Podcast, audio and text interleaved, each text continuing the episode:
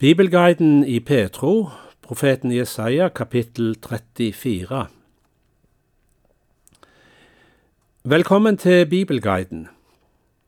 Vi nærmer oss avslutningen av første halvdel av Jesaja-boka, den som går ifra kapittel 1 til og med kapittel 39. Bakgrunnen for denne delen er det som er blitt kalt den asyriske krise, der Juda og Jerusalem står under en stadig trussel fra verdensriket i øst og blir ei brikke i datidens storpolitiske spill. Det lyder stadig advarsler mot å gå inn i allianser med fremmede makter, og det kommer stadig nye domsord over Guds folks fiender. Men òg den styrende elite får dom over seg på grunn av vantro, frafall og et umoralsk liv. Midt i en alvorlig trussel lyser allikevel håpet og Guds løfter om utfrielse og frelse og ei strålende framtid for den lille Herrens flokk. Det neste vi skal lese, kapittel 34 og 35, er på mange måter en sammenfatning og konklusjon på det vi har hørt så langt i boka, både dom og frelse.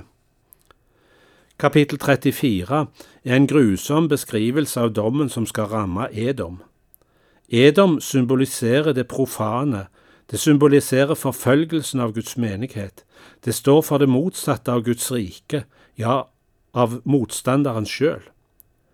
Når slike krefter møter Guds dom, går det fryktelig for seg.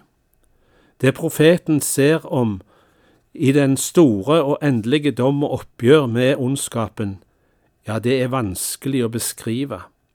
Han griper til bilder om det verste som en kjenner til, grusomme kriger med sverd og blod og folkemord. Videre er dommen preget av store naturkatastrofer, der himmelen blir rullet sammen som en bokrull, og elvene blir til bek, og støvet blir svovel som brenner. Slike krefter slippes løs når den endelige dom kommer, ikke bare over Edom, men over alle folkeslag. For dommen må til, som den store renselse og den endelige slutt på all ondskapsmakt. Vi leser beskrivelsen av den store verdensdommen i kapittel 34, vers 1 til 15. Kom og hør, dere folkeslag. Lytt, dere folk. Jorden og alt som fyller den skal høre verden og alt som spirer der. For Herren er harm på alle folk, han er vred på hele deres hær. Han har slått dem med bann og gitt dem over til slakting. De drepte blir slengt til side, stank stiger fra likene, og blod flyter på fjellene. Oppløst blir hele himmelens hær, som en bokrull blir himmelen rullet sammen. Hele dens hær skal visne, som løvet på vinstokken visner og frukten på fikentreet skrumper inn. For mitt sverd har drukket seg utørst i himmelen, nå farer det ned over Edom, til dom over folket jeg slår med bann. Herren har et sverd fullt av blod, det drypper av fett, av blod fra lam og bukker, av nyrefett fra værer. Det er offerslakting for Herren i Bosra stor nedslakting i Edom. Sammen med dem skal villokser falle, unge stuter og sterke okser. Jorden skal drikke seg utørst av blod, og støvet gjødsles med fett. Det er hevnens dag for Herren, gjengjeldelsens år i striden om Sion. Elvene skal bli til bek, og støvet til svovel. Landet blir til brennende bek. Verken dag eller natt skal det slukne, evig skal røyken stige.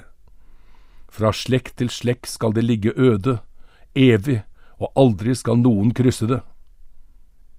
Pelikan og hegere skal ta det i eie.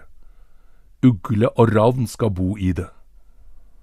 Målsnor og lodd skal strekkes over det, landet skal bli øde og tomt. Det finnes ikke stormenn der som kan utrope en konge. Det er ute med alle lederne. I slottene vokser det tornekratt, nestler og tistler i borgene. Landet blir boplass for sjakaler, tilholdssted for strutser. Hyener og ørkendyr møtes. Bukker kaller på hverandre. Også Lilith slår seg til ro der og finner seg et hvilested. Små ugler bygger rede og legger sine egg der, ruger og klekker dem ut i skyggen. Falkene samles der, med hverandre. Vi kan lese en lignende beskrivelse av denne domsscenen i Johannes' åpenbaring, kapittel 6 og vers 13 og utover. Den domsscenen avsluttes slik, for den store vredes dag er kommet, hvem kan da bli stående? Domsteksten om Edom avsluttes så med en oppfordring til å se etter i Herrens bok og lese det som er oppskrevet der. Det som er nedtegnet av profeten, kan i kommende slekter leses og etterprøves. Det er Gud sjøl som har bestemt at dette skal skje, og Hans ord står fast. Vi hører de to siste versene i kapittel 34 hos profeten Jesaja. Se etter i Herrens bok og les. Ikke én av disse skal mangle. Ingen skal lete etter de andre, for Herrens munn har påbudt det. Det er Hans ånd som samler dem, og det er Han som har kastet lodd for dem. Med målesnor i hånden deler han landet mellom dem. De skal ta de eie til evig tid, og bo i det fra slekt til slekt. Vi har lest det store domskapittelet i Jesaja 34. Men etter dommen og oppgjøret så kommer frelsen. Det leser vi om i neste kapittel. Velkommen tilbake til Bibelguiden.